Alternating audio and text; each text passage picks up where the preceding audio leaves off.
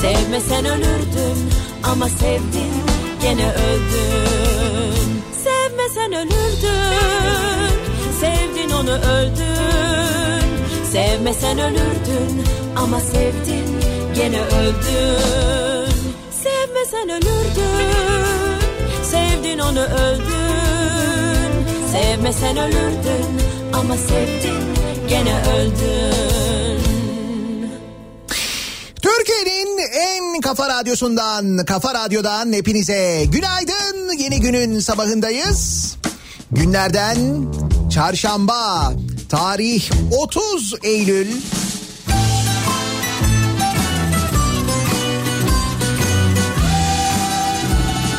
Eylül ayını da yedik, bitirdik.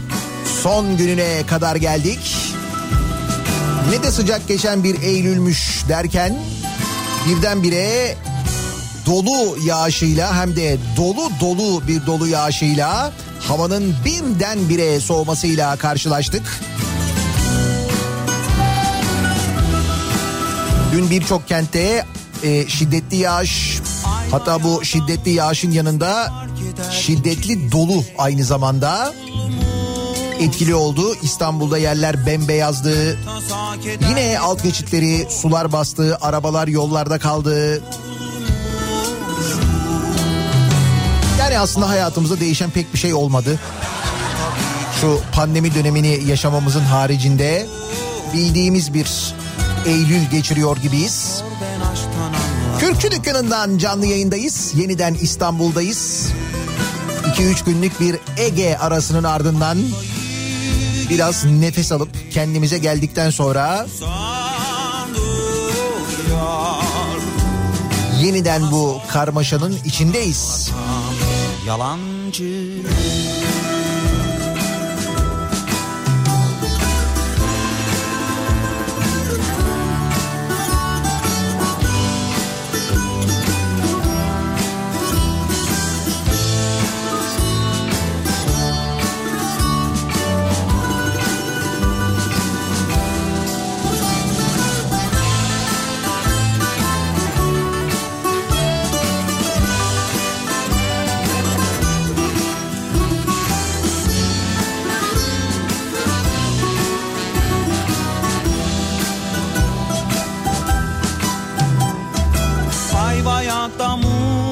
fark eder ikimiz de yolunmuşuz. Afiyetle mide indirilmeden güzelce soyulmuş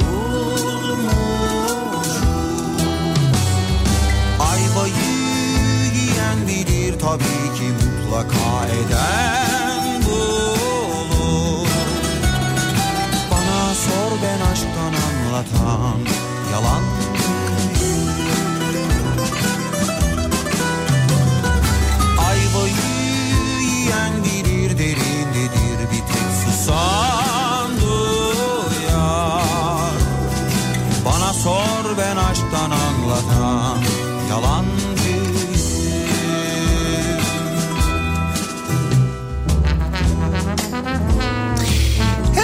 yayının başında bir teşekkür borcumuz var. Aslında bir teşekkür değil binlerce teşekkür borcumuz var. Ne kadar teşekkür etsek ne kadar minnettar olsak yetmez borçlarını ödememiz mümkün değil haklarını ödememiz mümkün değil ama zaman zaman konuşuyoruz. Eğitim özellikle pandemi döneminde yine bir tartışma konusu. Öğretmenlerle ilgili aynı zamanda konuşuyoruz ya. Uzaktan eğitim gerçekleşiyor. Uzaktan eğitim nasıl gerçekleşiyor? Daha doğrusu gerçekleşiyor mu, gerçekleşmiyor mu? O zaten tam manasıyla belli değil.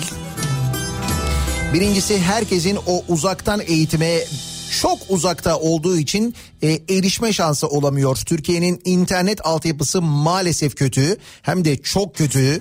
Etrafında bulunan e, ülkelerle kıyasladığında çok gerideyiz. Avrupa'nın neredeyse en yavaş internetine sahibiz.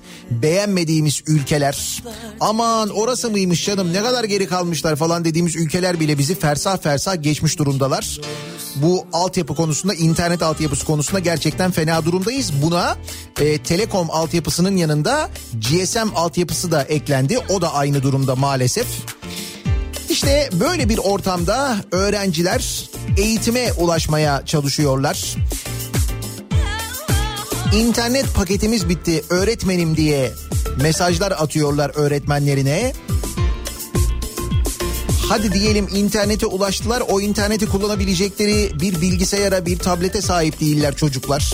Öyle bir durumda var.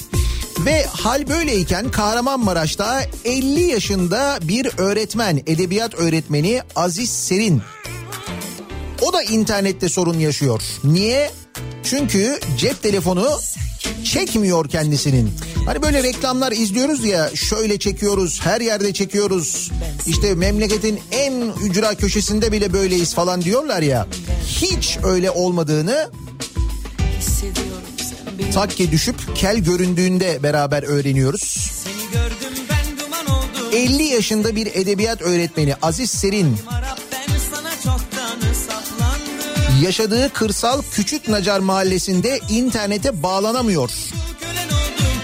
Bunun üzerine saat 12'deki ders için internet erişiminin olduğu bir tepeye çıkıyor. Oradan telefon çekiyor çünkü. Aşkımdan İlk dersin ardından evine dönüyor. İkinci ders için 16.40'da yeniden aynı tepeye gidiyor. Çünkü diyorum ya bulunduğu yerden çekmiyor ancak akşam eve dönemiyor. Bunun üzerine kendisine aramaya çıkan yakınları öğretmenin cansız bedenini buluyorlar o tepede. Yapılan ön otopside kalp krizi sonucu hayatını kaybettiği anlaşılıyor öğretmenin. Çocuklarına ders verebilmek için internet çekmiyor diye tepeye çıkıyor. Saat 12'deki derste internet üzerinden öğrencileriyle bir araya gelebiliyor. Ders sisteminde yapılan kontrolde bu anlaşılıyor. Ancak 16.40'taki derse başlayamıyor çünkü kalp krizi geçirerek hayatını kaybediyor.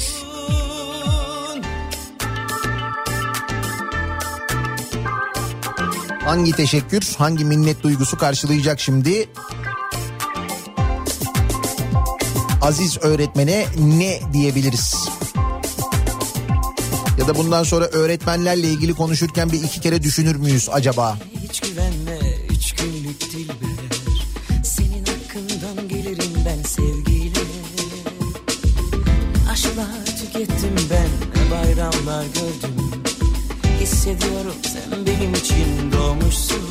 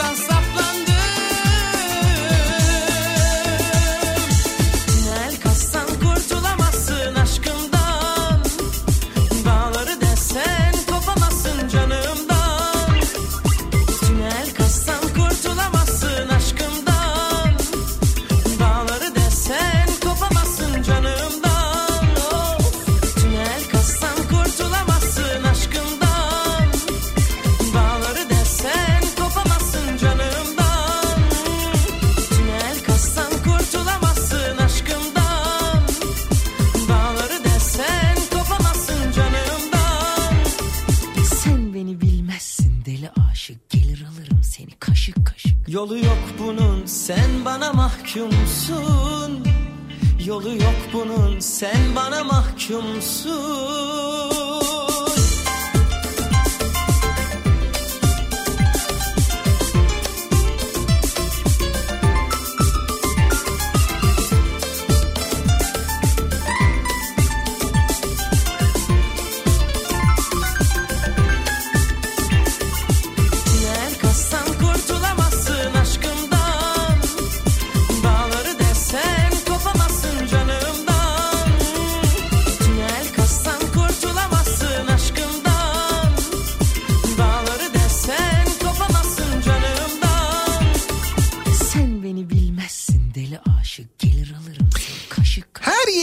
başladığımızda acaba bugün ne olur? Acaba o olan şeye şaşırır mıyız diye kendi kendimize konuşuyoruz. Sonra diyoruz ki yok canım artık biz neler gördük ya niye şaşıralım diyoruz değil mi? Fakat öyle bir şey görüyoruz ki Çok kararlıyım yine ağzımız bir karış açık kalıyor maalesef. Ne olabilir mesela yolda göreceğiniz örneğin bugün sabah işe giderken serviste toplu taşıma aracında ya da kendi aracınızda işe giderken gördüğünüz ne acaba sizi şaşırtabilir? Neye şaşırırsınız yani? Toplumla savaştayım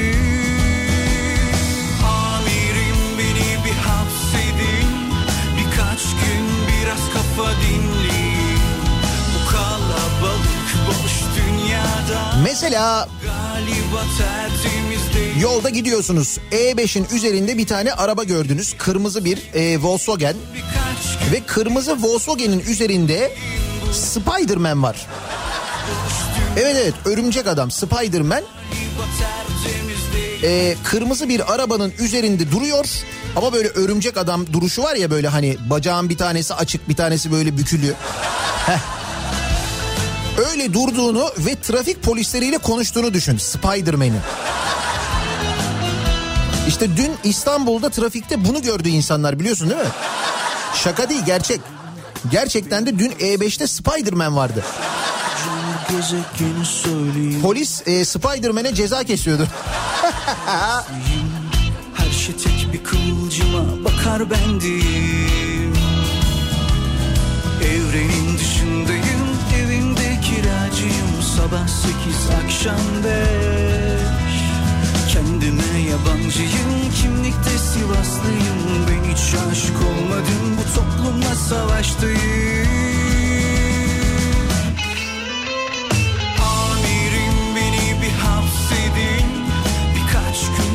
Şimdi işin daha güzel tarafı yani tabii ki işin tuhaf tarafı trafikte giderken birdenbire e, trafik polisleriyle muhabbet eden bir Spider-Man'le karşılaşmak. Yani Türkiye'de İstanbul'da gündüz trafiğinde böyle bir şeyle karşılaşıyorsunuz ama şöyle bir durum da var. Aslında bu yeni bir e, Tiger vakası da diyebiliriz. Şöyle hatırlarsanız Tiger Woods dünyanın en e, ünlü tenis e, pardon e, golf oyuncularından bir tanesi. Tiger Woods gelmişti e, İstanbul'a ve Boğaz Köprüsü'nde bir gösteri e, işte vuruşu yapmıştı diyelim. E, Avrupa yakasından Anadolu yakasına, Anadolu'dan Avrupa yakasına işte golf atışı yapıyordu. O sırada köprü tamamen trafiğe kapatılmadığı için kapatılan şeridin yanından arabalar geçerken birisi bir yandan cep telefonuyla videoyu alırken bir yandan bağırıyordu. Hop Tiger! Tiger'la eski bir tanışıklıkları var herhalde. Ondan dolayı öyle bağırıyordu diye tahmin ediyoruz biz.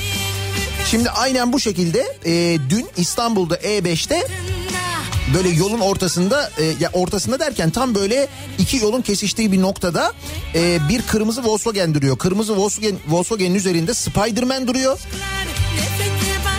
O sırada trafik polisleri gelmiş. E, trafik polisleriyle konuşuyor Spider-Man.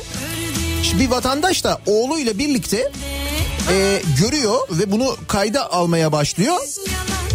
Bunu önce şey zannediyorlar hani böyle bir heykel oyuncak falan zannediyorlar. Fakat bakıyorlar yaklaştıkça polislerle konuşuyor Spiderman. Bunun üzerine yanından geçerken şöyle sesleniyorlar oğluyla birlikte. Kolay gelsin Spiderman. Spiderman cevap veriyor. Selamun aleyküm. Cevap geliyor. Aleyküm selam ya.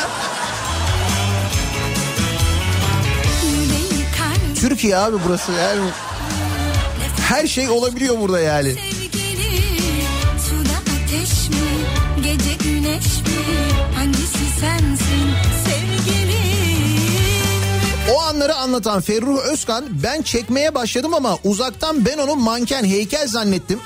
Bakıyoruz arabanın üstünde yakınına gelince oğlum dedi ki baba hareket ediyor bu. Dikkat ettik baktık hakikaten hareket ediyor. Ondan sonra ne haber Spiderman deyince döndü selamun aleyküm dedi. Dedik canlıymış. Trafik olduğu için duramıyorsun. Polis çevirmiş ceza yazıyordu muhakkak. Ne olduğunu anlayamadık geçtik. Öte yandan örümcek adam kostümüyle gösteri yapan Burak Soylu'ymuş. Bak örümcek adamın kimliği bizde hiç gizli kalmıyor. Hemen çıkıyor ortaya. Amerika'da yıllardır kimse öğrenemedi kim olduğunu. Biz çat sosyal medya üzerinden gösterinin izin alınarak yapıldığını açıklamış. Ama işte galiba izinden trafik polislerinin haberi yokmuş. Herhalde onun diyaloğu oluyordu.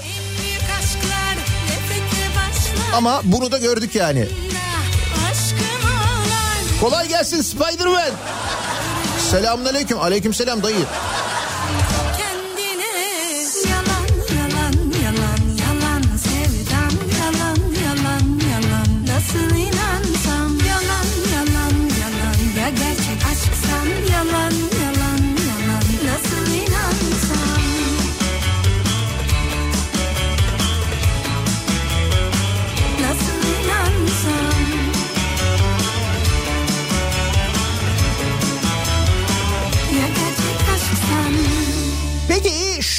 Nasıl bir sabah trafiğiyle başlıyoruz? Acaba çarşamba gününe trafikte Spider-Man var mı? Ee, Süpermen ne yapıyor? Diğer kahramanlar yola çıkmışlar mı? Hemen dönelim. Sabah trafiğinin son durumuna bir bakalım göz atalım.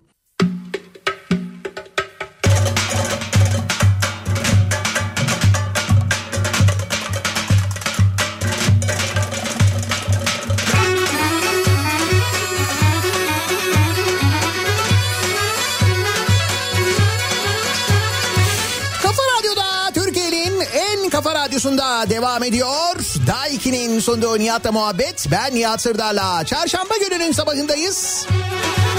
Yedi buçuğu geçtik. Tarih 30 Eylül.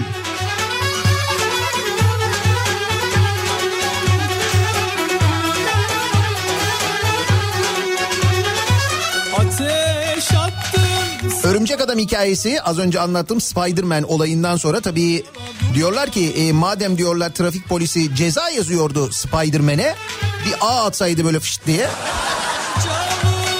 Galiba ağ bitmiş. Yani o herhalde bitiyor ya bazen böyle fılıp fılıp yapıyor böyle çalışmıyor. Kaldı ki bizde öyle ağ falan da yok. Hani o kesilen ceza ile ilgili bir şey yapabilecek.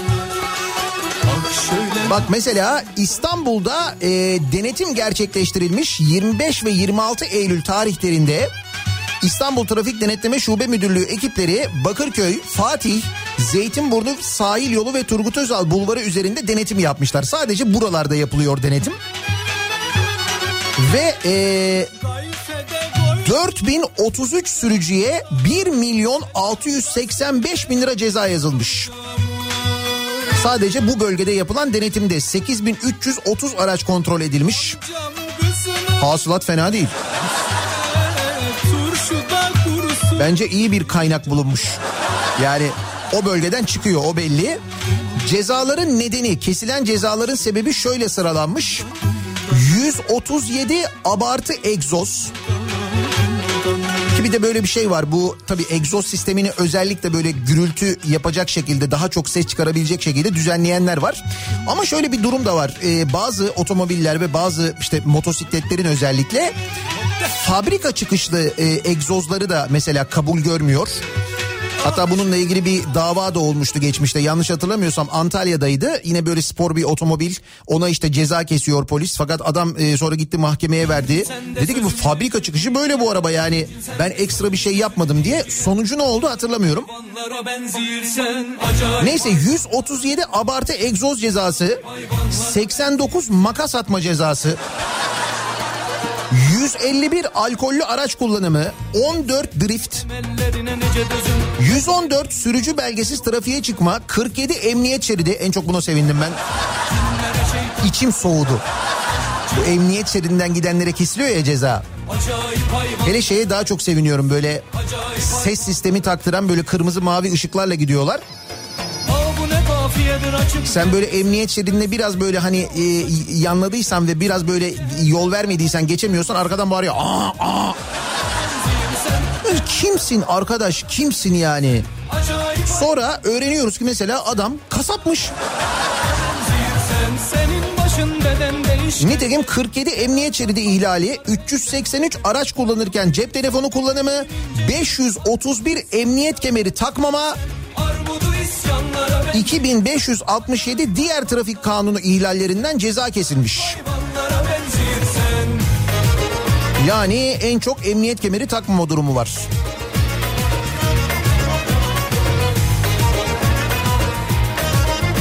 Ama hasılat güzel. Dediğim gibi iyi yani. Sen de sözün düzünü diyeceğim İncin sen de sözün düzünü diyeceğim Acayip hayvanlara benzirsen Acayip hayvan Spiderman ne haber? hayvan İyi babacım be ne olsun işte polisler ceza yazıyorlar. Günde bir okka bir iş töredirsen Her gün içirsen sarhoşluk verirsen Kiraladığı gelinliği kirlendiği için satın almak zorunda kalan damat adayı satış danışmanının burnunu kırdı. Sonra Spiderman bilmem ne. Ne Spiderman işte al bu gerçek. Neresi burası? Adana.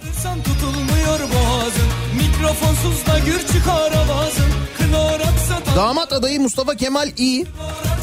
Seyhan'da bir mağazadan gelinlik kiraladı. Satış danışmanı Eylem E fotoğraf çekimi için kullanıp ürünü mağazaya götüren Mustafa Kemal İ'ye gelinliği kirlettikleri gerekçesiyle geri alamayacağını, satın almak zorunda olduğunu söyledi. 51 ekran Satın alma için belirlenen bedelin bir kısmını ödeyen damat adayı ve yakınları ayrıldıkları iş yerine akşam saatlerinde tekrar gelerek Eylem E ve mağazadaki çalışanlarla tartışmaya başladı.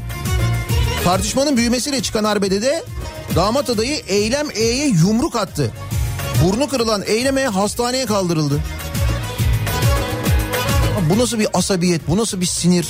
Sen de sözün düzünü diyeceğim İncin sen de sözün düzünü diyeceğim Acayip hayvanlara benzirsen Acayip hayvanlara Halbuki biraz sakinlik yani biraz böyle sakin olalım. Bak mesela dün konuşuyorduk sabah hatırlarsanız döviz nasıl böyle rekor kırdı daha doğrusu Türk lirası nasıl değer kaybetti diye konuşuyorduk. İşte ne olacak acaba falan diye endişe içindeydik. Öğleden sonra bakan açıklama yaptı gayet sakin. Biraz sakin ya. Adam dedi ki ben dedi bakmıyorum dedi dövize falan dedi ki önemli değil dedi onunla ilgili ayrıca konuşacağız. sen de bir tane gelinlik için neler neler konuşuyorsun yani ne lüzum var? şişirmişsen karnını Köfte yiyip şişirmişsen karnını Beleş yiyip şişirmişsen karnını Beslemiş hayvanlara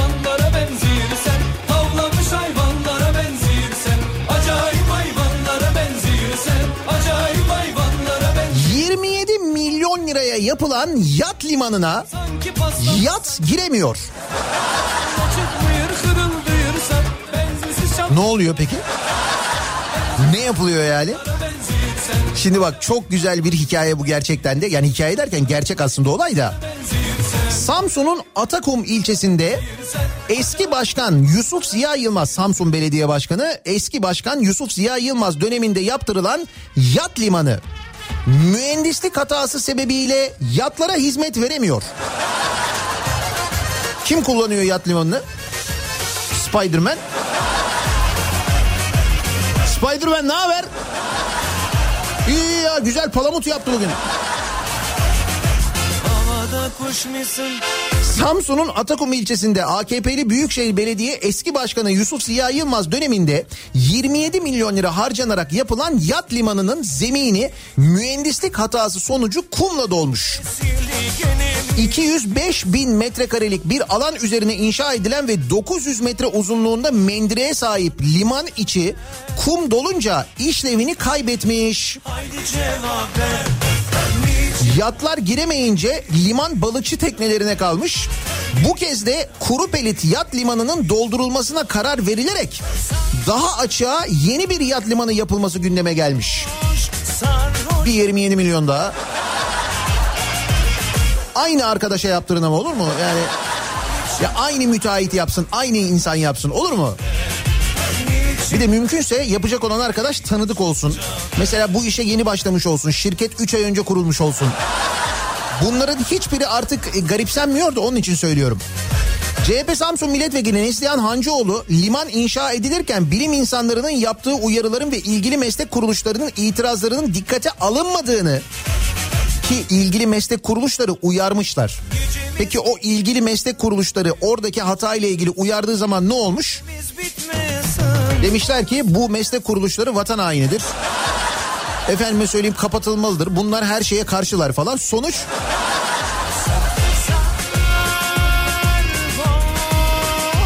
Eski limandan daha açığa planlanan yeni liman için 15 milyon lira daha harcanacakmış. Milletvekili demiş ki şimdi yine aynı yaklaşımla limana dolgu yapılması planlanıyor. Yanlış bir defa yapıldığında hata olarak kabul edilebilir. Ancak tekrarlanırsa bunun adı kasıttır. Yapılan her yanlışın bedeli yıkımın faturasını vatandaşımız ödüyor demiş.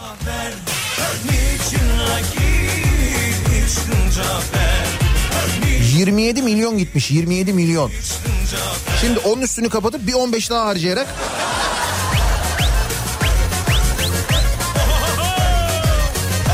yapmış acaba ya? Gerçekten merak ediyorum. Hani yapan kimmiş acaba? Tanıdık biri miymiş? O zaman Samsun Belediye Başkanı'nı tanıyor muymuş? Çünkü burada tanıdık olması önemli. Dün bir haber vardı hatırlıyor musunuz? Ee, hani bir bandrol hikayesi vardı onu konuşmuştuk. Şimdi sigaraların ve içki şişelerinin üzerinde alkollü içecek şişelerin üzerinde bir bandrol var ya. Şimdi bu bandrolü e, önce böyle yabancı bir şirket basıyormuş hazırlıyormuş. Sonra denilmiş ki efendim denilmiş böyle olmaz biz yerli ve milli e, yapacağız bunu. Bandrolü. Olur yapalım. Demişler ki darphane basacak bunu.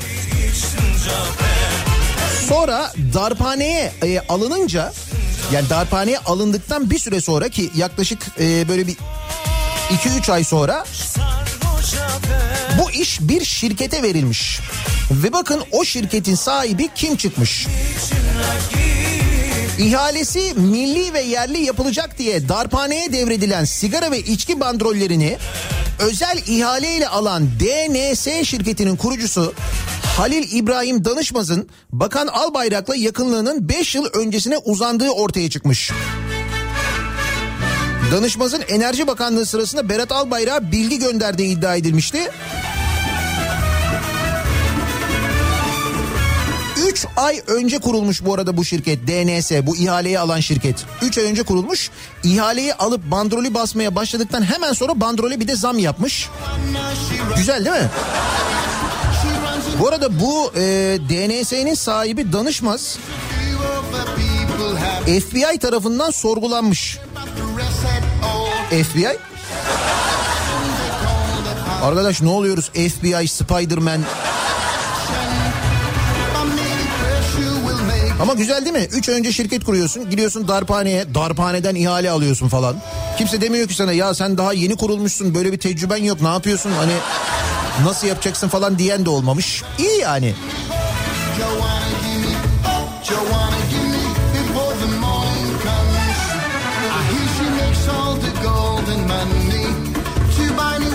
Tabii böyle tecrübeli insanları bulmak da pek kolay değil. Bakın e, bulunsun diye böyle tecrübeli insanlar ne kadar uğraşılıyor. Şimdi mesela Afyon'da, Afyonkarahisar'ın Dinar ve Bolvadin ilçesinde e, iş kur kura çekimleri yapılıyor. İnsanlar işsizler iş bulmak için iş kura başvuruyorlar. Orada iş sayısı belli. Başvuran sayısı çok fazla. Ki TÜİK'e göre öyle değil. Yani bizde işsiz sayısı hiç öyle fazla değil aslında. Neyse burada kura çekimi yapılıyor dolayısıyla. Talep çok fazla olunca. Ve kura çekimi bitiyor. İnsanlar seviniyorlar. Aa iş kazandım diye yani iş sahibi oldum diye. Fakat e, AKP ilçe başkanlığının istediği isimler kuradan çıkmayınca kura yeniden çekiliyor. Ve tesadüfe bakın ki onlar çıkıyor. Nasıl? Arkadaş kurada torpil var ya. Kura çekiyorsun onda torpil var yani.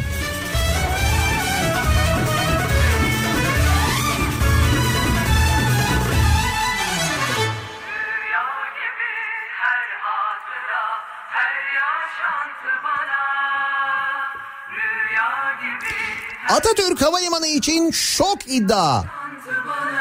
Ne oldu? Gazeteci Ali Tarakçı çarpıcı açıklamalarda bulundu. Aylar önce Atatürk Havalimanı'nın yıkılacağını, oranın bir konut projesine dönüşeceğini ileri süren Ali Tarakçı, bu iddiasını ve konuya ilişkin iktidar cephesinden bir yalanlama gelmediğini hatırlatmış. Ki bu iddiadan sonra bu pandemi hastanesi çat diye pistlerin üstüne yapılmıştı. İki tane pist kırılmıştı ki o pistler yani milyar liralık pistler milyar liralık. Biz e, bir deprem şehriyiz. Yarın öbür gün e, Allah korusun bir deprem olduğunda İstanbul'dan bir yere bir ya bir yerden bir yere ulaşmak, İstanbul'a yardım ulaştırmak çok zor olduğunda şehrin tam göbeğinde bir havalimanımız vardı. Hep beraber onu heder ettik. Üstelik yan tarafta kocaman kocaman binalar var. Hemen hastaneye dönüştürebileceğimiz binaları kullanmayarak onları da atıl bırakarak gittik hiç yer yokmuş gibi pistin üstüne hastane yaptık. Ya bu zaten e, birçok saçma şey görüyoruz ama benim ömrü hayatımda gördüğüm en saçma şeylerden bir tanesiydi. Şimdi biz baktığımızda bunu dışarıdan saçma görüyoruz ama o pistlerin kırılması ve oranın işlevsiz hale getirilmesi o bölgenin de yani Atatürk Havalimanı bölgesinin de tamamen işlevsiz hale gelmesine sebep oluyor ya. Şimdi niye işlevsiz hale getiriliyormuş orası? Onu öğreniyoruz. Demiş ki gazeteci Ali Tarakçı yeni bir iddiada daha bulunmuş. Atatürk Havalimanı'ndan sahile kadar ve Yeşilköy Hava Harp Okulu'nun bulunduğu yerin de buna dahil edileceğini söylemiştim. Son aldığım duyum askeriyenin olan hava kuvvetlerine ait olan sahanın yani Yeşilköy Hava Harp Okulu'na ait sahanın Emlak Bankası'na devredildiği, Emlak Bankası'nın da Rönesans inşaatla sözleşme yaparak o alanın konut alanına çevrileceği anlaşmasının yapıldığını iddia ediyorum demiş.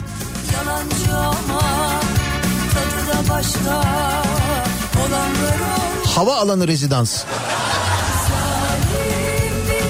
Oluyor mu? Tam böyle tahmin ettiğimiz gibi konuştuğumuz gibi oluyor.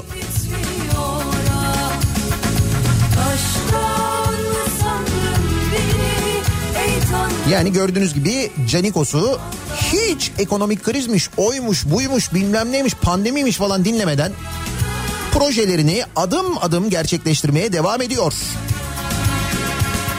O sırada biz sağlığımızla, canımızla uğraşıyoruz.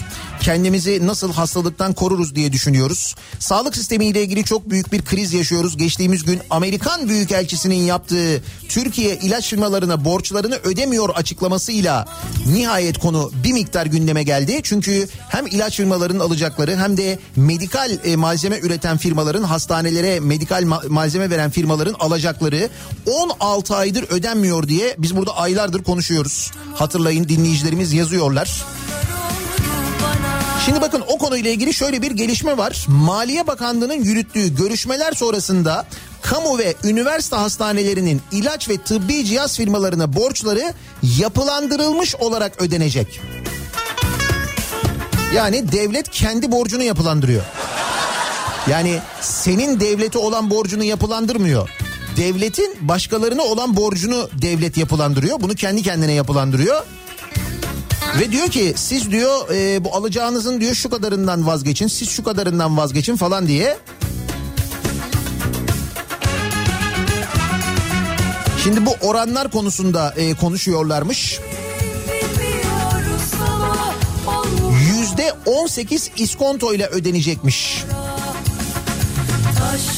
Sektör temsilcilerinden edinilen bilgiye göre yapılandırılmış ödeme seçeneğini kabul eden tıbbi cihaz firmalarının alacakları yüzde 25 iskontoyla ödenecek. Yani 16 aydır parasını alamamış şimdi yüzde 25 indirimle alabilecek.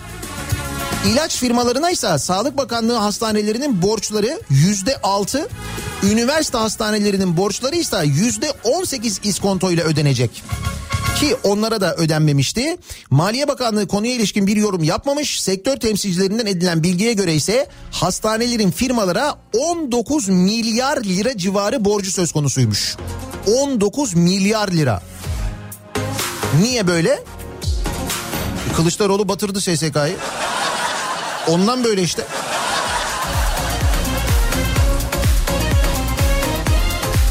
Bayılıyorduk ya çok seviyorduk ya sağlık sistemimizi buyurun.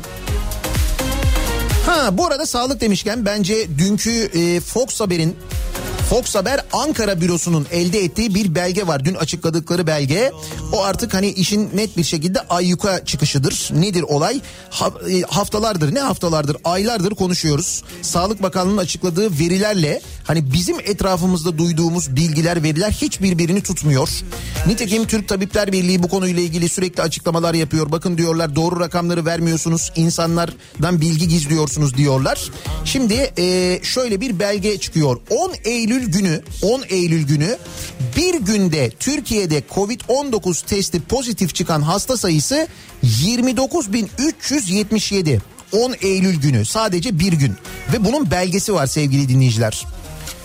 O gün Sağlık Bakanlığı'nın açıkladığı tabloda açıklanan sayı kaç peki? 1512. 29.377 nerede? 1512 nerede? Ne varsa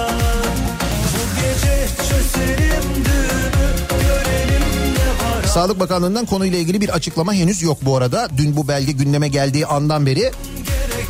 Yani baya baya yalan söylüyorlar.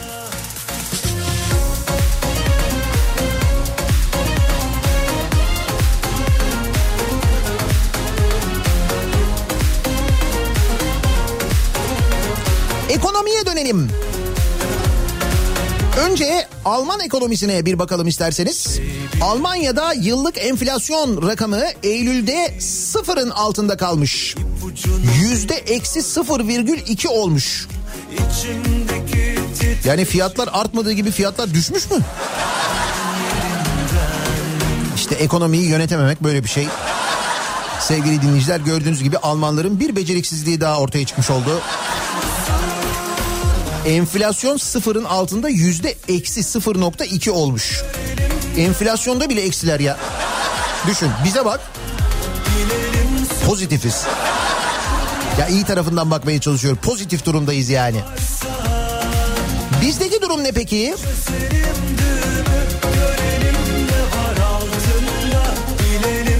Döviz çıktıkça çıkıyor, millet fakirleşiyor.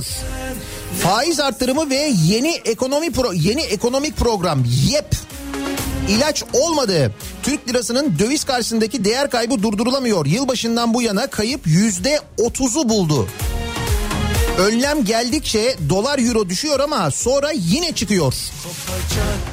Milletin cebindeki para erirken döviz spekülatörleri servetini artırıyor. Peki bu döviz bizi nasıl etkiliyor acaba? Daha doğrusu etkiliyor mu?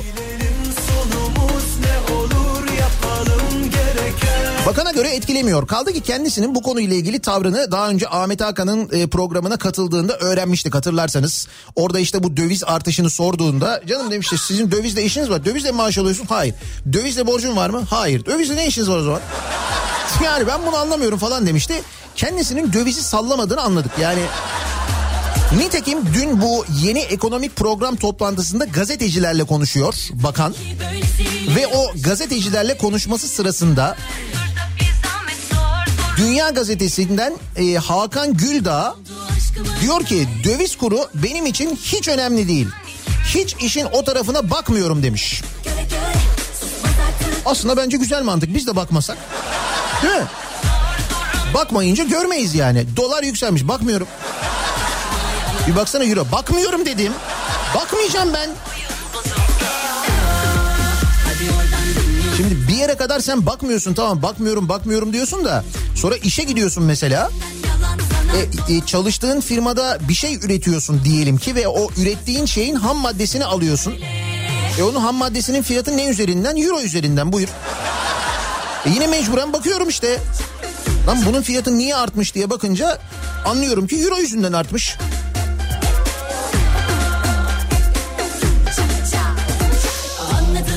Böylesiyle uğraşılmaz beni yaşar. Dur bir zahmet sor sorun ne diye. En sonunda bak ne oldu aşkımı da ettin yalan. Demek ki bu da bir yöntem olabilir. Yani aman boş ver önemli değil deyince sorunu görmezden gelince çözer çözebiliriz gibi geliyor. En azından bakan o yönden bakıyor. Biz de bu sabah dinleyicilerimize soruyoruz. Sizin için önemli olmayan neler var acaba diye. Evet bu sabahın konusu önemli değil olsun. Hazine ve Maliye Bakanı gazetecilere döviz kuru benim için hiç önemli değil. Hiç işin o tarafına bakmıyorum demiş ya. Sizin için önemli olmayan neler var acaba diye biz de soruyoruz dinleyicilerimize. Önemli değil bu sabahın konusunun başlığı. Neler önemli değil acaba? Sosyal medya üzerinden yazabilirsiniz. Twitter'da böyle bir konu başlığımız, bir tabelamız, bir hashtagimiz an itibariyle mevcut. Önemli değil başlığıyla yazıp gönderebilirsiniz mesajlarınızı. niyatetniyatsırdar.com elektronik posta adresimiz. Bir de WhatsApp hattımız var 0532 172 52 32 0532 172 kafa. Buradan da yazabilirsiniz mesajlarınızı. Reklamlardan sonra yeniden buradayız. Kafa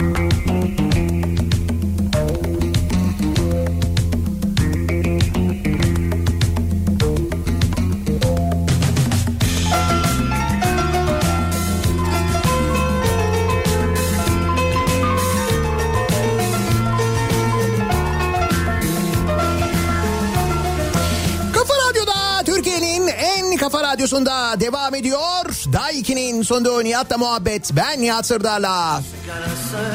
Çarşamba gününün sabahındayız. Eylül ayının son günündeyiz. 8'i 3 dakika geçiyor saat. Nelerin bizim için önemli olmadığını konuşuyoruz. Bakan demiş ya dövizle hiç ilgilenmiyorum oraya bakmıyorum benim için önemli değil demiş dövizdeki artış. Yeni köylü burgası anası da yesin babası da yesin Misal Canikos'unun yemesi hala yemeye devam etmesi ısrarla ve inatla yemesi ama çok iyi yedik demesi bunlar önemli değil değil mi? Bakmıyoruz bunlara yani.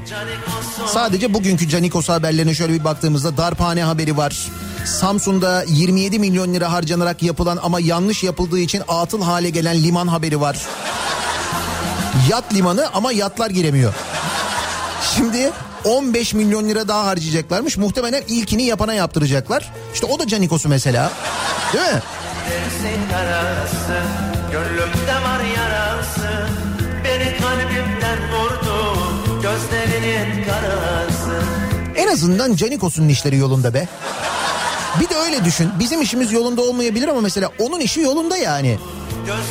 O zaman anası da yesin, babası da yesin, yesin anam yesin, Canikos'u yesin. Anası da yesin, babası da yesin, yesin anam yesin, Canikos'u yesin. anası da yesin Şimdi Hazine ve Maliye Bakanı için döviz artışı ya da Türk lirasının değer kaybedişi e, önemli olmayınca o kısmı önemli değil deyince biz de dinleyicilerimize sorduk. Mesela sizin için ne önemli değil? Diyor ki dinleyicimiz ben diyor yaz boyunca elektrik faturasını hiç önemsemedim. Elektrik faturası benim için önemli değildi diyor. Evdekilere açın dedim klimayı. Faturanın durduğu masaya doğru hiç bakmadım. Şimdi de doğalgaz faturasına bakmayacağım. Bana ne ya diyor. Bu kadar. Bak önemli değil deyince bir fatura sorunu çözülmüş oldu. Gördün mü? Oluyor işte. Sen baya bela belasın bela bela bela belasın bela bela Tarımda dışa bağımlı olmak bizim için önemli değil. Paramız var kardeşim. Bastırırız parayı, nohut alırız, mercimek, kavun, saman, pirinç ne varsa ithal ederiz. felasın fena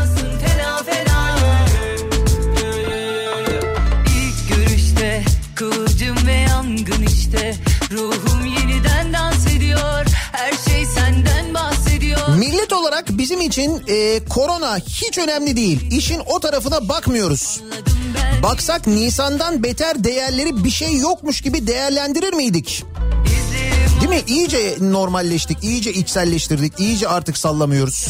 Halbuki rakamların ne kadar yanlış olduğunu, Bakanlık tarafından açıklanan rakamların ne kadar eksik olduğunu dün ortaya çıkan belgeden öğreniyoruz.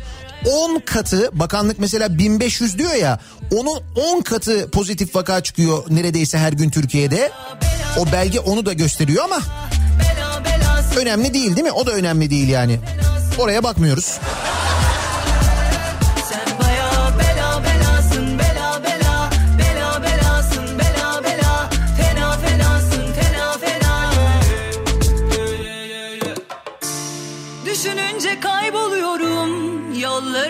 Kaybediyorum Kayıt dışı o anlar Benim için önemli olmayan dövizdeki yüzde bir verginin bugün binde ikiye düşürülmesi diyor Ankara'dan Ufuk.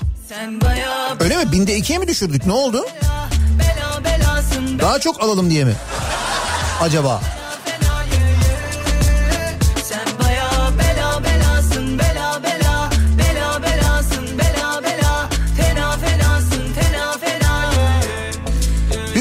Açıklamaları benim için önemli değil. Ben de oraya bakmıyorum artık diyor bir dinleyicimiz. Ha küstünüz yani. O da bir yöntem olabilir yani böyle bir karar vermiş olabilirsiniz hiç bakmayabilirsiniz. Benim için önemli değil mazot yedek parça alırken fiyatına hiç bakmıyorum. Ama seve seve alıyorum diyor İstanbul'dan Aydın.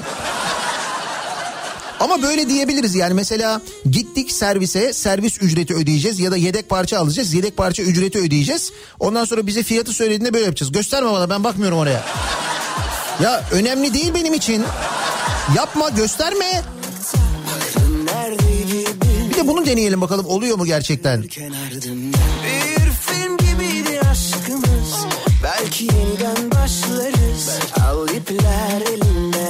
Elinde ram pa pa pam Ram pa pa pam Özledim seninle her şeyi Geceleri ya seninle gezmeyi Sabaha kadar koklayıp öpmeyi Gerçek aşk Yani ben de her sabah bu tabelayı görüyorum.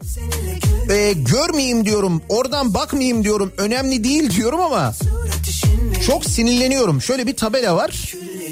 Ee, TOKİ tabelası altında şöyle yazıyor. Yatay mimari ile yükselen Türkiye.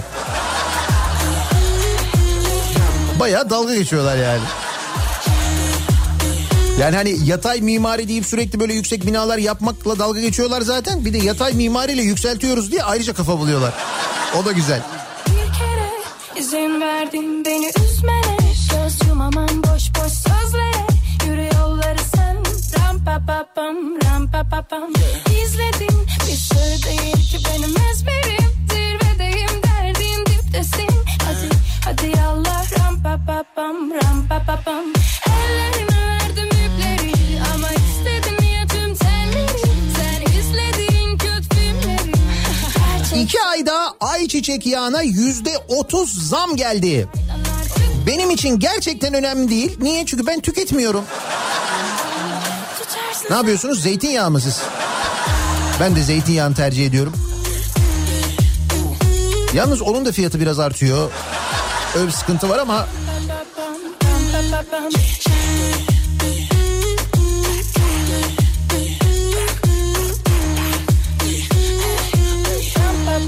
Ankara'dan Yavuz bu şartlar altında yaşamak benim için önemli değil. Zaten yaşıyor muyuz o da belli değil tam manasıyla aslında demiş. Korkun ama kendine itiraf etmen zor Nasıl zor hatırlamak Benim için yakıta zam gelmesi önemli değil. Ha işte o yöntem zaten Tuğrul'un gönderdiği yöntem. Ben hep 100 liralık alıyorum zaten demiş. Ne oldu 50 idi o. Hep 50 liralık alıyordunuz ne oldu? Olmuyor değil mi şimdi 50 liralık? O şimdi 100 lira oldu işte sıkıntı orada zaten. Seni bebekle İki kuzusu Bir yaramışken Kurtlar peşlerinde hav hav hav Enflasyon yüzde 40 olmuş ama enflasyona bakmıyoruz biz. Zerre umrumuzda değil. Önemli değil yani. Ne demek yüzde 40 olmuş ya? Öyle bir şey yok.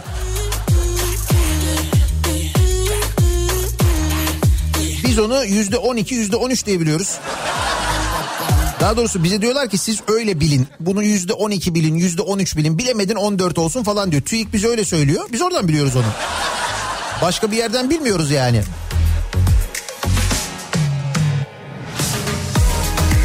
Şimdi bakanın bu açıklaması hekim için hastalar, öğretmen için dersler, hakim için adalet önemli değil gibi olmuş.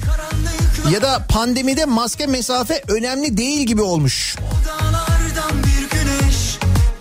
Hayır bizim için de doları önemsemeyen Hazine Bakanı önemli değil diyeceğim ama önemli etkiliyor hayatımızı diyor. Mustafa Hoca göndermiş doğru.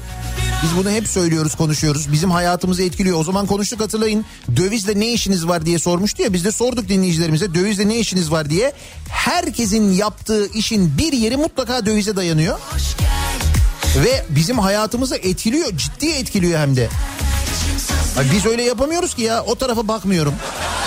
Ya o tarafa bakmasam buraya kafayı çeviriyorum. Burada euroyu görüyorum. Euroya bakmayayım diyorum. Burada dolar oluyor. Dolara bakmayayım diyorum. Buraya bakıyorum sterlin oluyor. Olmuyor yani.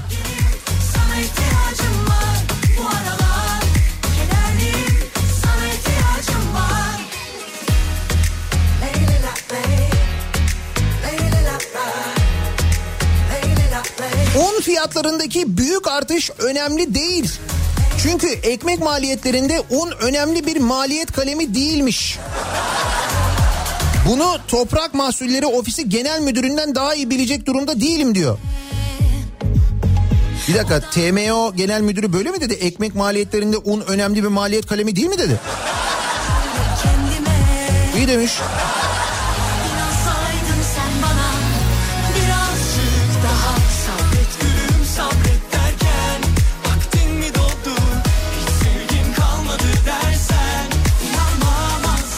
Aman araba bilmem kaç bin lira olmuş. Bunlar benim için önemli değil. Memleketi bölemeyeceksiniz diyor Fadime. Türkiye'de doktor olan kardeşimle oturmuş araba bakıyorduk. İnternet sitesinde 2013 model BMW aracı 35 maaşıyla alabiliyor. Aynı aracı ben İsveç'te 2 maaşla alıyorum. Bunu bir yerde dile getirdiğim zaman aldığım tepki de çok garip. Bu memleketi yıkamayacaksınız. Sen 35 maaşla alıyorsun ben 2 maaşla alıyorum deyince öyle diyor. Yıkamayacaksınız oğlum bu Norveç yapamayacak bunu. Ey Norveç. Hatta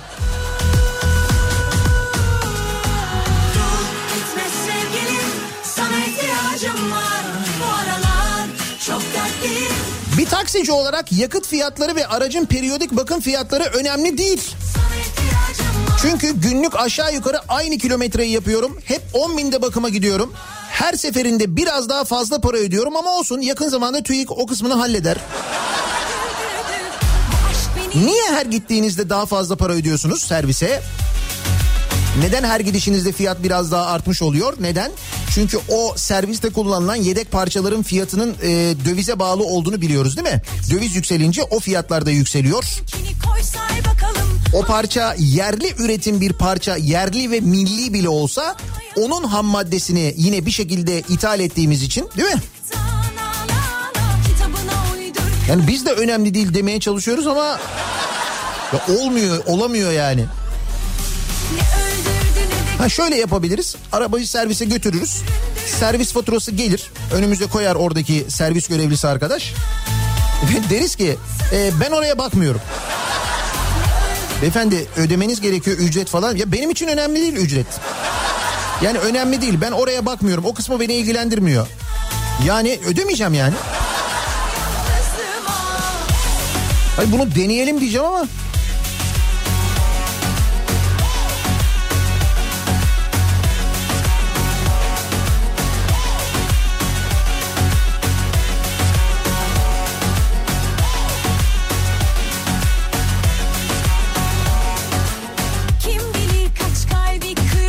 baba 131 bin lira yok. Önemli mi? Yok oğlum önemli değil. Önemli olsa Sayıştay raporuna yazardı. Tarım Tarım ve Orman Bakanlığı'nda 131 bin liralık araç zararı çıkmış. Ne zararıymış bu? Tarım ve Orman Bakanlığı Destek Hizmetleri Dairesi Başkanlığı'nca yapılan kiralık araç alımı işinde daire başkanlığının bakanlığı kamu zararına uğrattığı ortaya çıkmış. İhalede oluşan 131 bin liralık kamu zararının 2019 Sayıştay raporlarında yer almaması dikkat çekmiş. Oo güzel Sayıştay da demek ki oluyor. İyi. Yalnızlığıma Sayıştay raporu bizim için önemli değil. Biz oraya bakmıyoruz. Zaten baksak ne oluyor ki?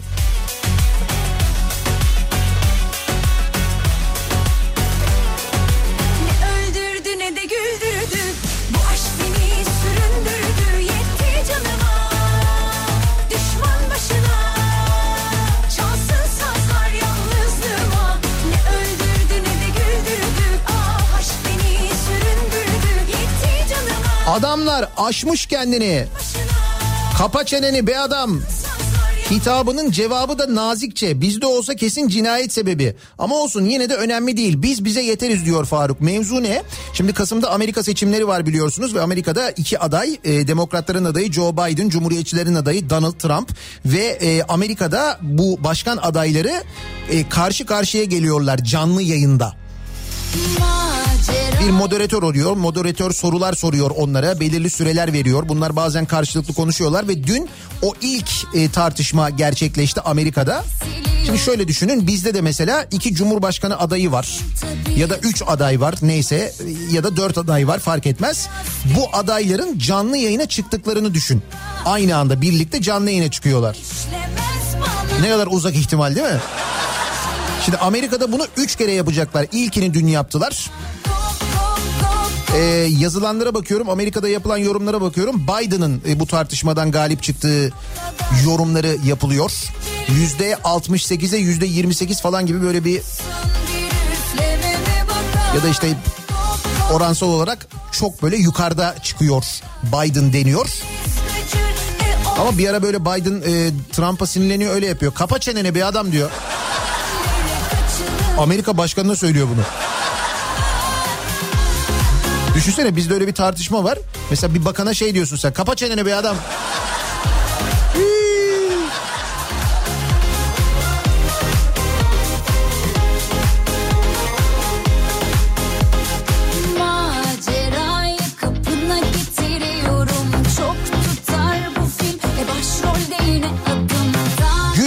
Açıklanan Covid tablosu benim için önemli değil. Gerçek olduğuna artık inanmıyorum çünkü diyen var. E, öyle olduğunu öğrendik.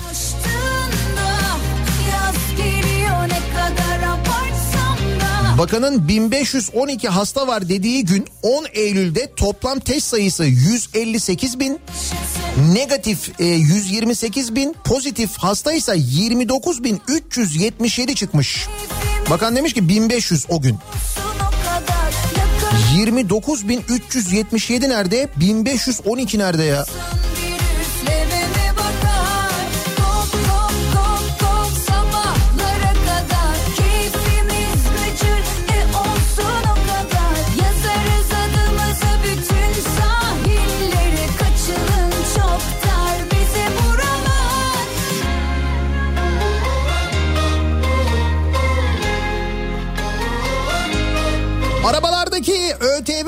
Artışları benim için önemli değil.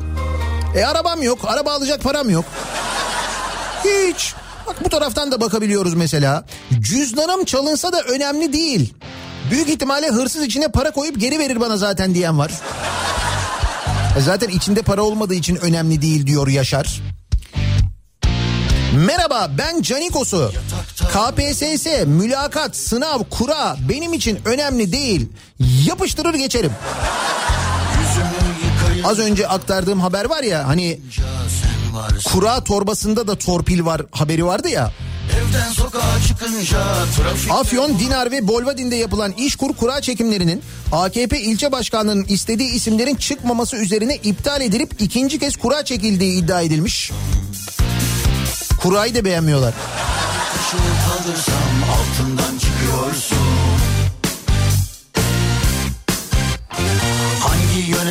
savrulsam peşimden geliyorsun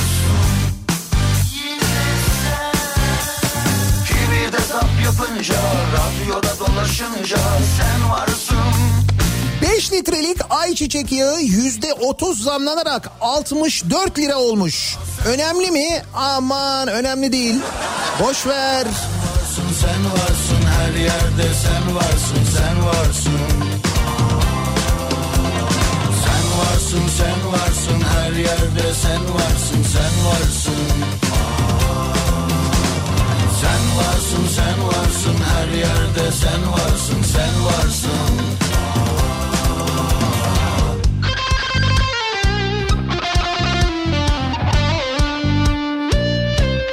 Trendeyken sus pus olup iner inmez bülbül gibi şakıyanlar önemli değil. Hepiniz oradaydınız diyor Gonca. Kimin için söylüyor bunu? Ali Babacan için söylüyor. Şimdi Ali Babacan dün Maliye Bakanı'nın bu YEP açıklamalarından sonra demiş ki açıklanan program Türkiye'nin fakirleştiğini hem tescil hem de ilan etmiştir. Bütçe açığı tarihi seviyeye çıkmıştır.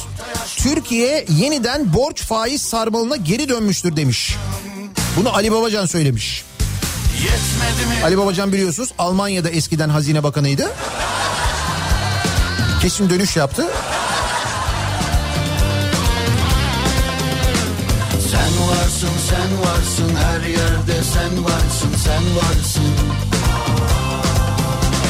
Sen varsın sen varsın her yerde sen varsın sen varsın Ayasofya açıldı. Saray yaptık. Uzaya yol yaptık. EBA'da siber saldırıya uğradık. 5000 lira da alamadık ama gerisi önemli değil. Diyor Hüseyin. Kişi başı 5000 liraydı değil mi? Öyle bir şey söyleniyordu. Gelen var mı 5000 lira?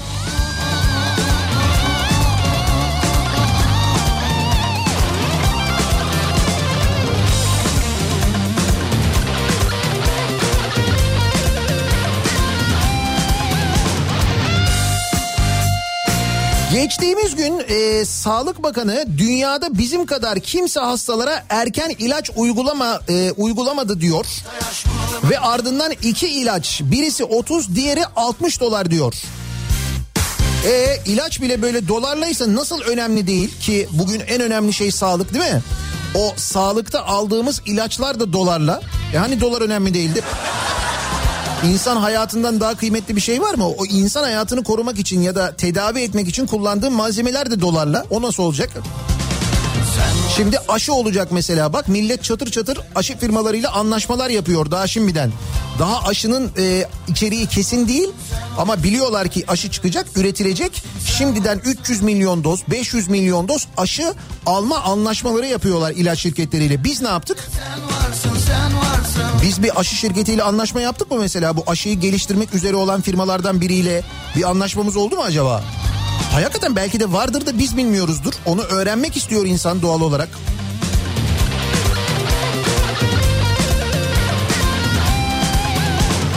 Nihat Bey aracıma yan sanayi far aldım. 150 lira olan fiyat 290 liraya çıkmış. Yan sanayi olan far hem de öyle mi? Yetkili servisteki arkadaşlar bile şaşırdılar. Bu bir de yandan olanı yani. Yan sanayi olanı 150 liradan 290 liraya çıkmış. Sen varsın her yerde sen varsın sen varsın Canım önemli değil far almayınız. Farın olmadığı tarafa bakmazsın. Olur biter yani. O şekilde çözebiliyoruz. Sen varsın sen varsın her yerde sen varsın sen varsın Sizin önemli değil dediğiniz ne var acaba diye soruyoruz.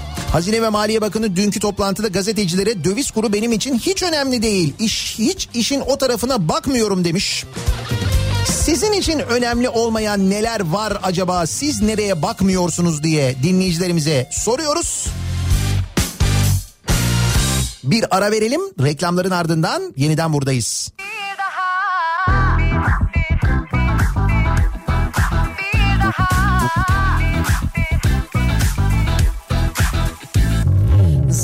Zamansızlıktan hiç korkma.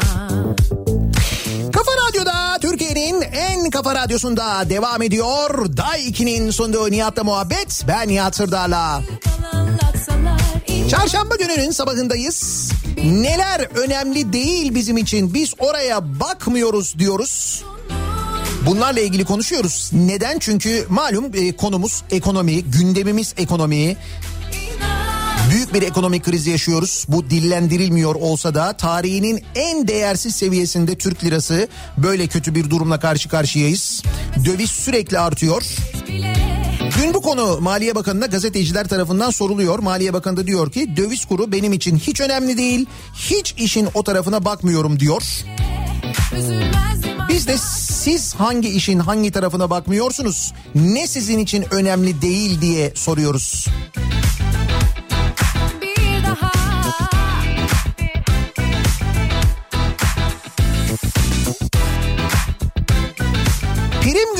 Dolmuş. Sigortalılık yılım dolmuş. Emekli olmam gerekirken devlet bir yasa çıkarıp geriye doğru işletmiş.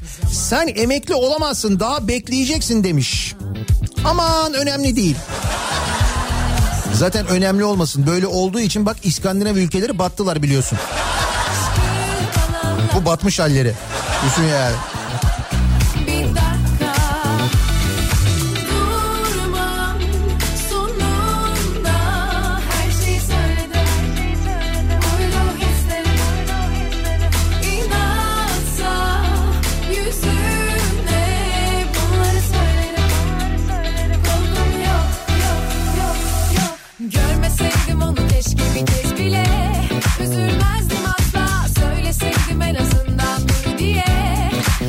Adnan Menderes Üniversitesi'nin Devlet Personel Başkanlığı internet sitesinde yayınlanan 74 kişilik sözleşmeli personel alımı ilan metnindeki neredeyse her ilanın kişiye özel olduğunun çok açık ve net olması hiç kimse için önemli değil.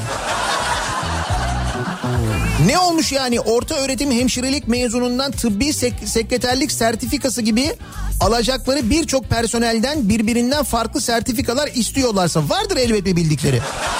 Tabii canım onlar için de önemli değildir. Onlar da başka bir yerden bakıyorlardır.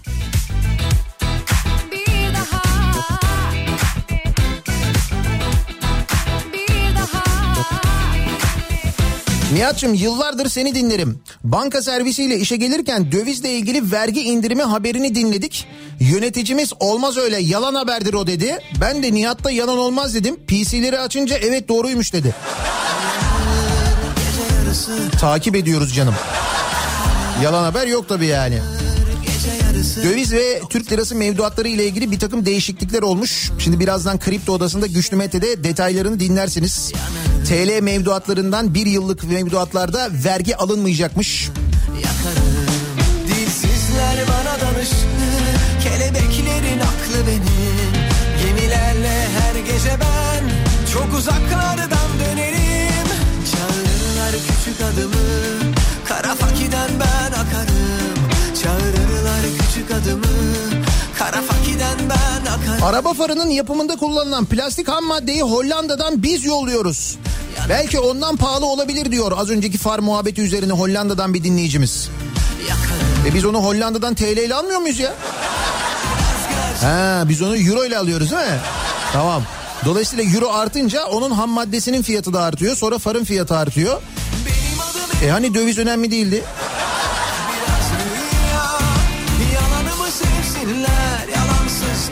Dönmüyor dünya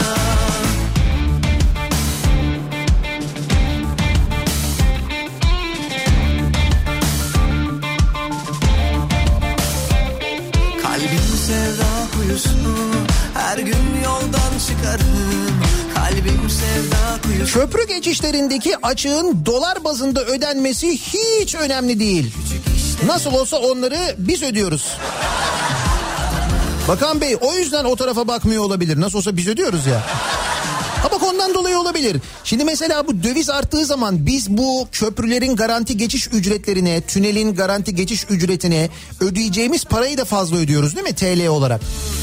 Döviz artışına bağlı olarak o da artıyor. Çünkü anlaşma dövizle mesela yenisini de öyle yapıyoruz. Çanakkale Köprüsü'nün anlaşmasını da öyle yapıyoruz. Euro üzerinden yapmışız o anlaşmayı da. Günlük 45 bin araç geçiş garantisi vermişiz günlük.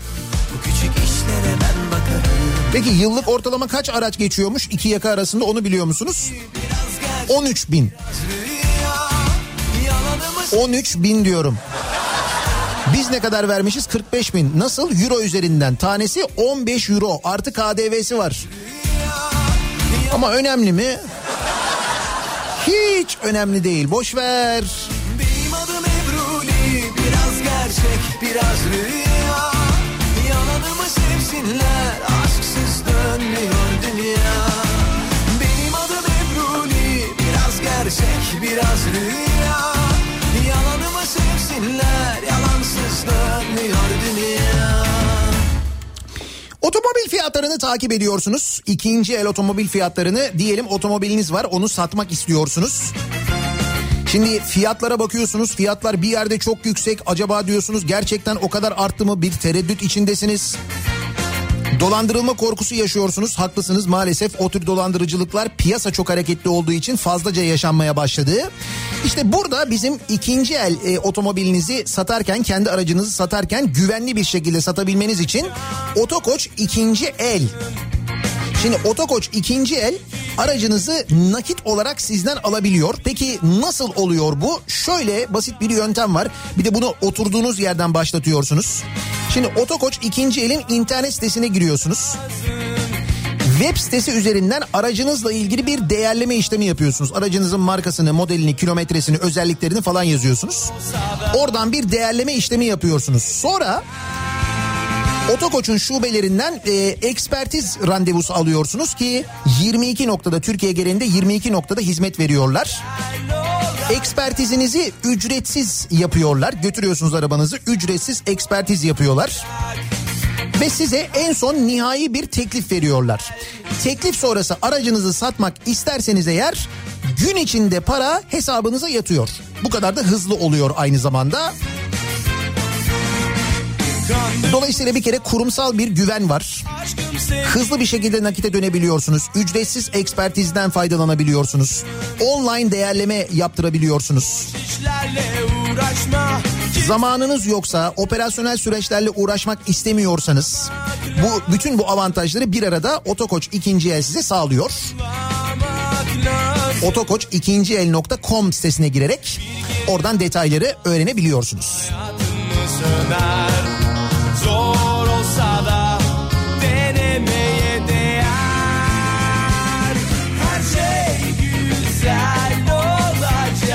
akşam benim için de imtihan olacak yine. Yine diyorum çünkü daha önce de gitmiştim. Biz bu akşam yayınımızı e, Mercedes-Benz'in Hoşdere otobüs fabrikasından gerçekleştireceğiz. Neden? Çünkü Hoşdere'ye o fabrika açılalı 25 yıl olmuş. 25 yıl öncesinde e, Davutpaşa'daydı otobüs fabrikası Mercedes'in. Biz Zeytinburnu Endüstri Meslek Lisesi'nde okurken ki yakındık biz de Topkapı'daydık işte. Makine ressamlığı bölümünde staj yapmak için hepimizin hayali orasıydı. Hatta o zaman e, stajyerleri sınavla alıyorlardı. Gidip hepimiz sınava girmiştik. Sınav bittikten sonra ben fabrikanın içinde gezmeye çıkmıştım. Kimseye de sormadım ama. Geziyorum dolaşıyorum fabrikanın içinde sonra yakaladılar tabii. Şimdi yıllar yıllar geçti. Bir otobüsüm var artık benim 302. O otobüsle ziyarete gittim e, Hoşdere fabrikasına. Geçen sene e, gittiğimde başından sonuna kadar yani böyle bir saç rulosunun e, bir kapıdan girip onun nasıl bir otobüs olarak diğer kapıdan çıktığını böyle adım adım bütün işlemleri gördüm. Tabii hayran oldum ki ben çok severim zaten öyle fabrika gezmeyi, o üretim süreçlerini izlemeye bayılırım. Fakat şöyle bir sıkıntı var. Şimdi süreç bittiğinde böyle en başından en sonuna kadar geliyorsun. Her şey güzel. Ancak bittiğinde o final bölümüne geliyorsun. Orada işte böyle üretilen otobüslerin son kontrolleri yapılıyor. Öyle bir otobüs alma isteğiyle doluyorsun ki yani o kadar çok istiyorsun ki bir otobüs alabilmeyi. Ee, ama işte otobüsü de öyle alamıyorsun yani. Neyse biz bu akşam ee, ben yine gün içinde muhtemelen bunları yaşayacağım ama bu akşam yayınımızı Hoşdere'den Mercedes fabrikasından gerçekleştireceğiz.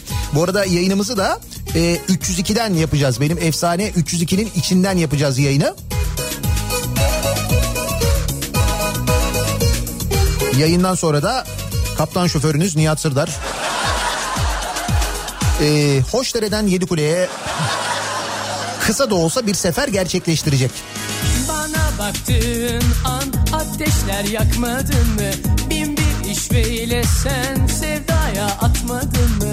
Bana baktığın an ateşler yakmadın mı? Bin bir işveyle sen sevdaya atmadın mı? İşte seni sevmişim, sana gönül vermişim, aşığım demek için hepsini beklemişim. İşte seni sevmişim, sana gönül vermişim, aşığım demek için hepsini beklemişim. Bak bu bizim için önemli değil ama diyor Gökhan. 20 yıllık ekonomi politikası inşaat olan Türkiye için bence önemli. Bir yıllık inşaat demiri artışı. Bir yılda inşaat demiri fiyatı ne kadar artmış?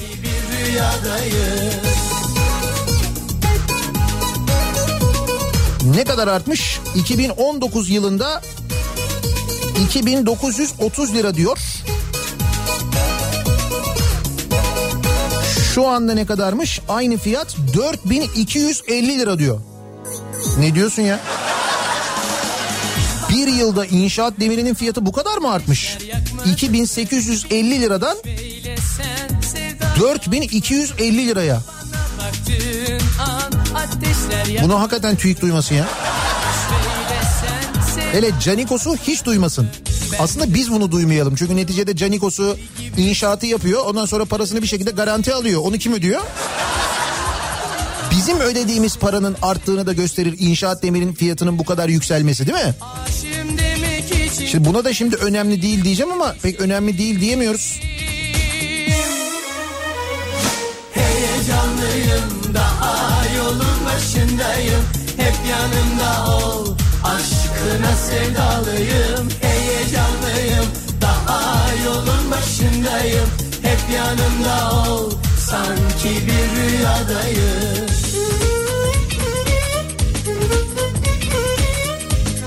Sizin için önemli olmayan, sizin bakmadığınız yer ne acaba diye, neresi acaba diye soruyoruz dinleyicilerimize. Önemli değil bu sabahın konusunun başlığı. Bir ara verelim. Reklamların ardından yeniden buradayız.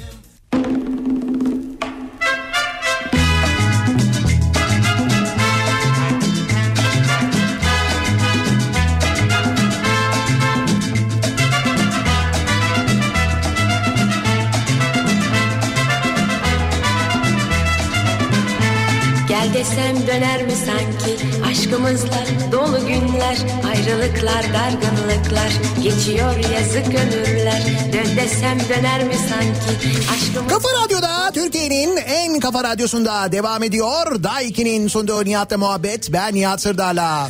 Severse sevsin Neden ilk aşk gibi olamaz Çarşamba gününün sabahındayız. Yayınımızın son bölümündeyiz. Birazdan mikrofonu Kripto Odası'na Güçlü Mete'ye devredeceğiz. Gelişmeleri sizlere aktaracak ama ekonomiyle ilgili önemli bir gelişme. Az önce söyledik konuştuk ya resmi gazetede yayınlanan kararlara göre bir yıl üzeri vadeli TL mevduatından vergi alınmayacakmış. Bir yıl üzeri paranızı TL'de tutun diyorlar yani.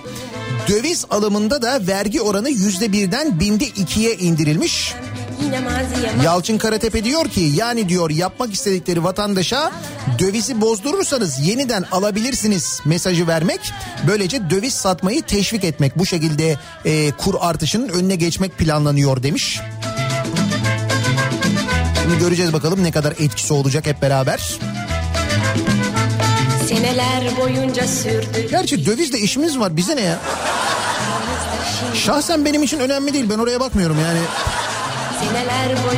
Düşününce şimdi bir anda bu kararlar böyle sanki çok önemliymiş gibi konuştum ama önemli değil yani aslında. Ayrılık var, ayrılık var.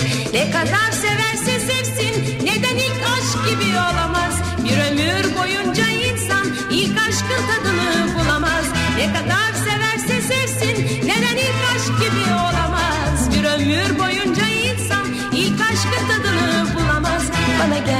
gel diyebilsem, sana aşkımı anlatabilsem, yine maziye maziye dönsem, senin Yayınımızın sonuna geliyoruz. Kripto Odası başlıyor birazdan bu akşam 18 haberlerinden sonra eve dönüş yolunda.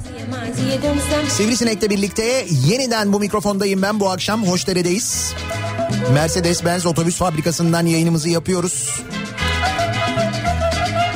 Tekrar görüşünceye dek güzel bir gün, sağlıklı bir gün geçirmenizi diliyorum. Hoşçakalın.